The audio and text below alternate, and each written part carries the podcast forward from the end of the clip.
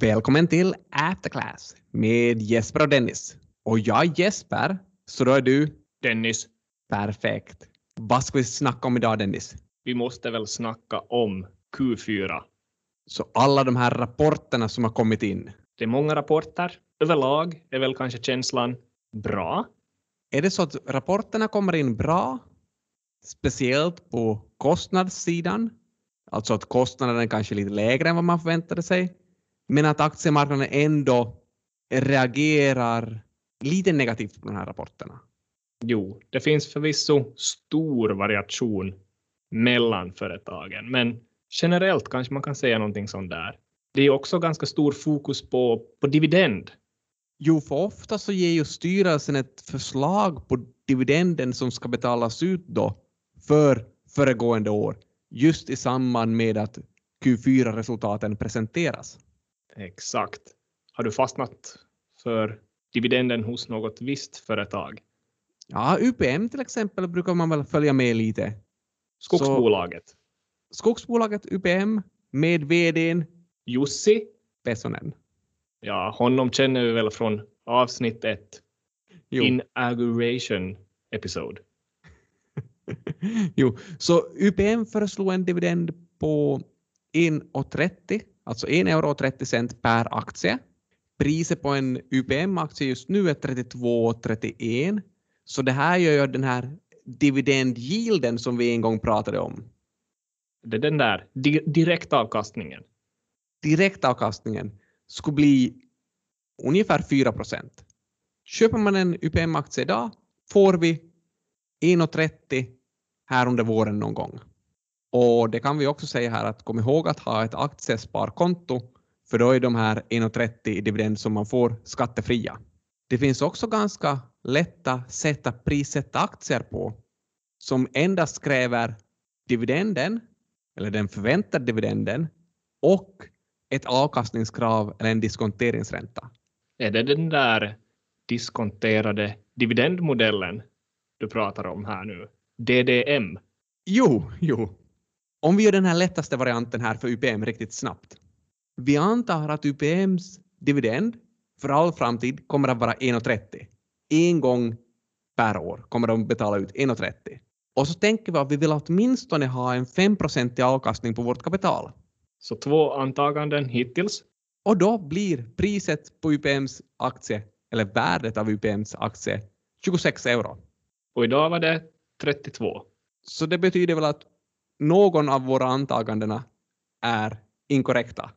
Man kan ju tänka sig lite tillväxt i dividenden som vi inte tog i beaktande. Ja, eller så accepterar vi bara en lägre avkastning. Har du något bolag som du har fastnat för?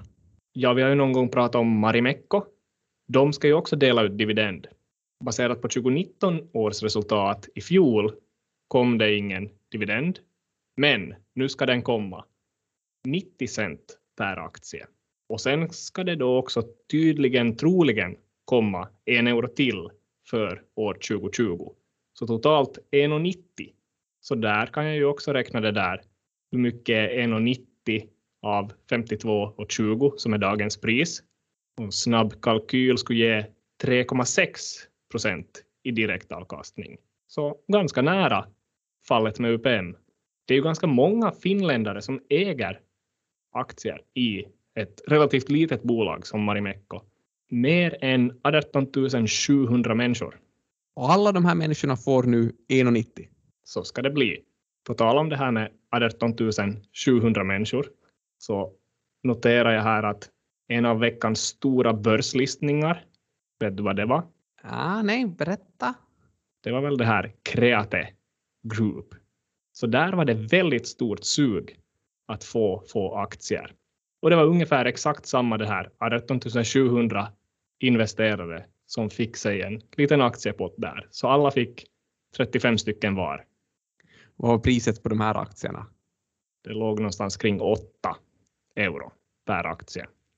Okej, så alla får en liten bit av kakan. Men är vi lite oroade av den här situationen när man har ett nytt bolag som kommer in på börsen och alla är väldigt intresserade av det här nya bolaget och kanske lite till och med glömmer bort gamla fina bolag som Marimekko? Och i det här fallet är det väl lite sådär att det är ägarna som säljer bort och alla andra ska vara med på tåget. Det är alltid en fråga som om man en gång säljer bort sin andel, att är, är det så att man tror att det här är helt suveränt då? Jag vet inte, men här igen, här kanske folk lockas av framtida dividender. För man har utlovat att ungefär hälften av nettoresultatet ska betalas ut i dividend framöver. Ja, det kan ju vara det som lockar, eller så är det bara att aktiemarknaden är väldigt het för tillfället. Det för oss ju osökt in på Harvia, som också har rapporterat. De säger att de ska betala ut 39 cent i dividend plus en 12 cents jubileumsdividend. Så 51 cent. Jo, 51 cent totalt. Och, och vad är dagens pris? 30,50. Så typ 1,67 i direktavkastning? Jo, så det är lägst av de bolagen vi har nämnt hittills åtminstone. Och en del är ju en jubileumsdividend, så de kanske har anammat det här lite från Ålandsbanken. Flera bolag har rapporterat. Minns du Ahola? Ahola Transport, jo. De var ju på väg bort från börsen. Är de kvar ännu? De är ännu kvar, men fortsättningsvis på väg bort. Och vi sa ju kanske när vi sa att de var på väg bort att de går bort kanske precis när de verkligen börjar göra mera vinst. Så vad var senaste resultatet? Senaste resultatet var att Ahola gjorde en vinst per aktie på 18,9 cent, vilket är ungefär det dubbla av vad de gjorde föregående år. Och nu tar de bort bolaget från börsen och de betalar ungefär ganska exakt 1,60 euro per aktie. Så vi landar då på ett P-tal som är ungefär 8,5. Så det är ju ganska lågt om man tänker att vi har resten av börsen ligger någonting över 15. Jo, så det här P-talet är ganska lågt. Sen kan man förstås fundera, okej, okay, vad ska P-talet vara på ett transportbolag? Men det är inte bara de här dividendbesluten och de här rapporterna som är roliga. Det blir oftast också ett conference call eller ett konferenssamtal efter rapporten. De här konferenssamtalen kan vara lite roliga. För till skillnad från rapporterna så kan man få en lite mer inblick i vad vdarna tänker och vad de har för åsikter. För rapporterna är förstås skrivna och de är väl förberedda, men på de här konferenssamtalen så kan det ändå hända några överraskningar. Och det kan ju också vara så där att man vill visa vilket typ av bolag man är. Jo, så är det. Ett roligt företag som jag har tittat på ett konferenssamtal till exempel XM Reality. Där har de gjort konferenssamtalen i bilen.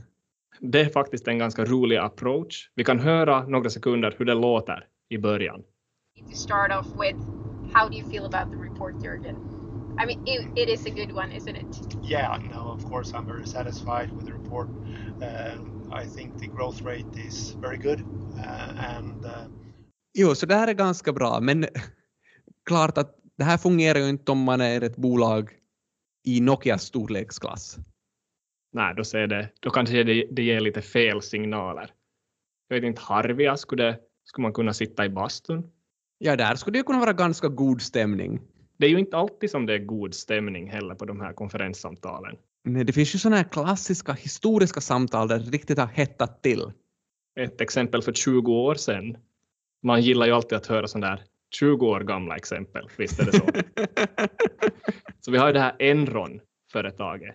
Vi pratar ju om det någon gång i bedrägeriavsnittet, vårt stora bedrägeriavsnitt, där vi hade VD Jeff Skilling så han fick väl en fråga, hej att ni, ni på Enron, ni är som den enda företaget av er sort som inte visar upp en balansräkning eller kassaflödesanalys på presstillfället. Varför är det så?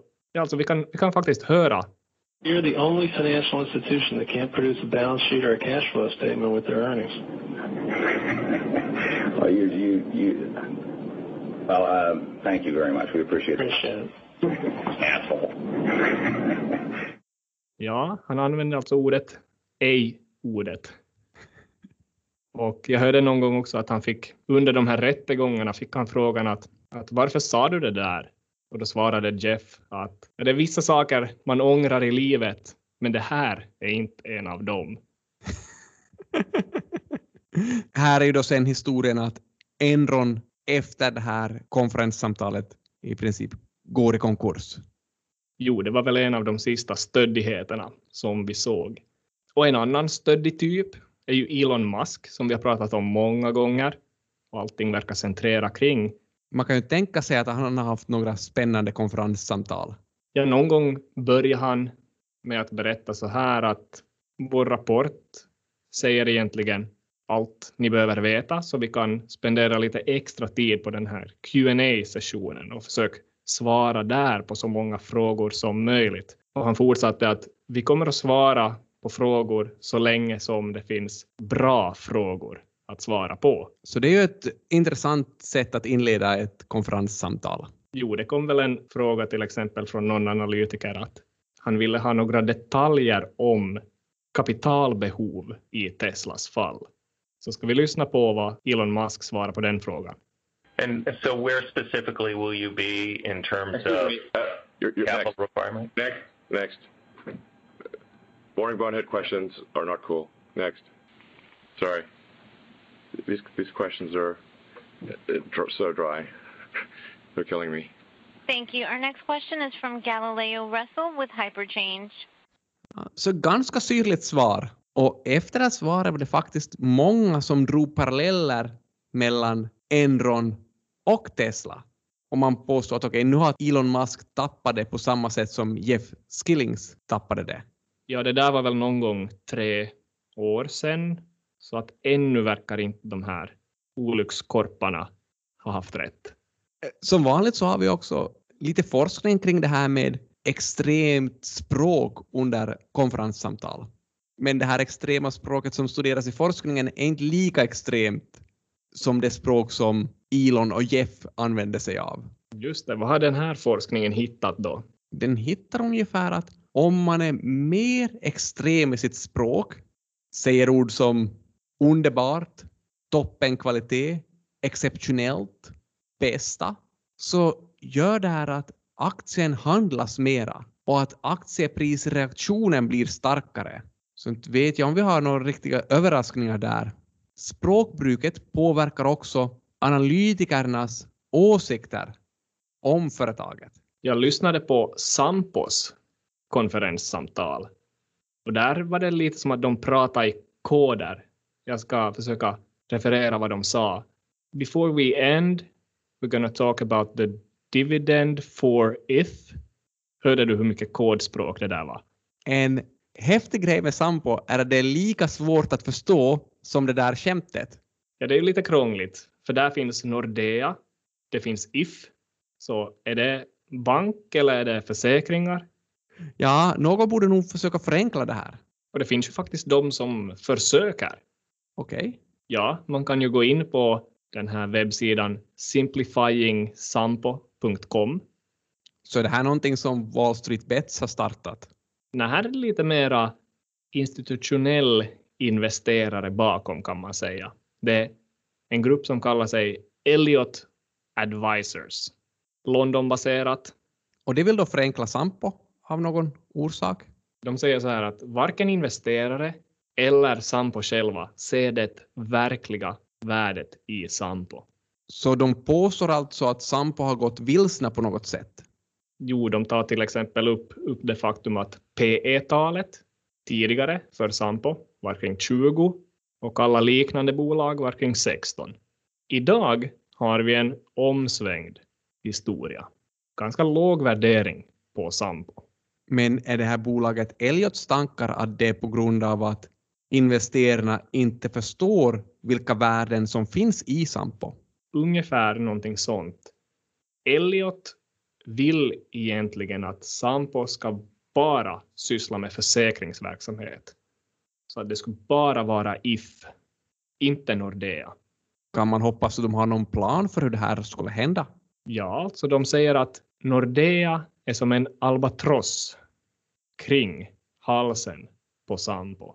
Så att det bästa är väl bara att skära bort den där albatrossen. Och med skära bort så menar de väl dela ut Nordea-aktierna till ägarna? Och resten kan säljas för lite kontanter. Detta skulle kunna ske inom 2021, anser de. Sen tycker de också att kommunikationen ska förbättras. Man ska bli bättre på att artikulera och beskriva exakt vilka resultat som kommer varifrån. Sen ska också den här strategin klargöras. Och där är vi kanske lite tillbaks på där vi startade för att vet du vad Elliot vill? Nej, berätta, vad ska det här allt leda till? I grund och botten, de vill att Sampo ska bli en mera stabil, disciplinerad och dividendfokuserad spelare. Jo, för Sampo har ju kanske inte varit en så stabil dividendutdelare som man skulle kunna tro med tanke på att försäkringsverksamheten är ju en ganska stabil verksamhet. Och If har ju funkat väldigt bra också. Jo, och ändå så har Sampos dividend gått från 2,30 år 2017 upp till 2,85 euro 2019 för att sen börja gå ner igen och i år lovar de att de ska betala ut 1,70 per aktie. Så det låter ju inte alls stabilt och skulle man ha en sån där diskonterad dividendmodell så är det ju inte särskilt lätt att prissätta heller om, om dividenden hela tiden fluktuerar. Nej, verkligen inte. Stabila dividender är ju någonting som vi som investerare vill ha. Man vill ha någonting som återkommer med jämna tidsintervall. Ja, och det kan man ju säga att vi gör med denna podcast. Vi är stabila, disciplinerade och vi återkommer nästa vecka med nya insikter i After Class.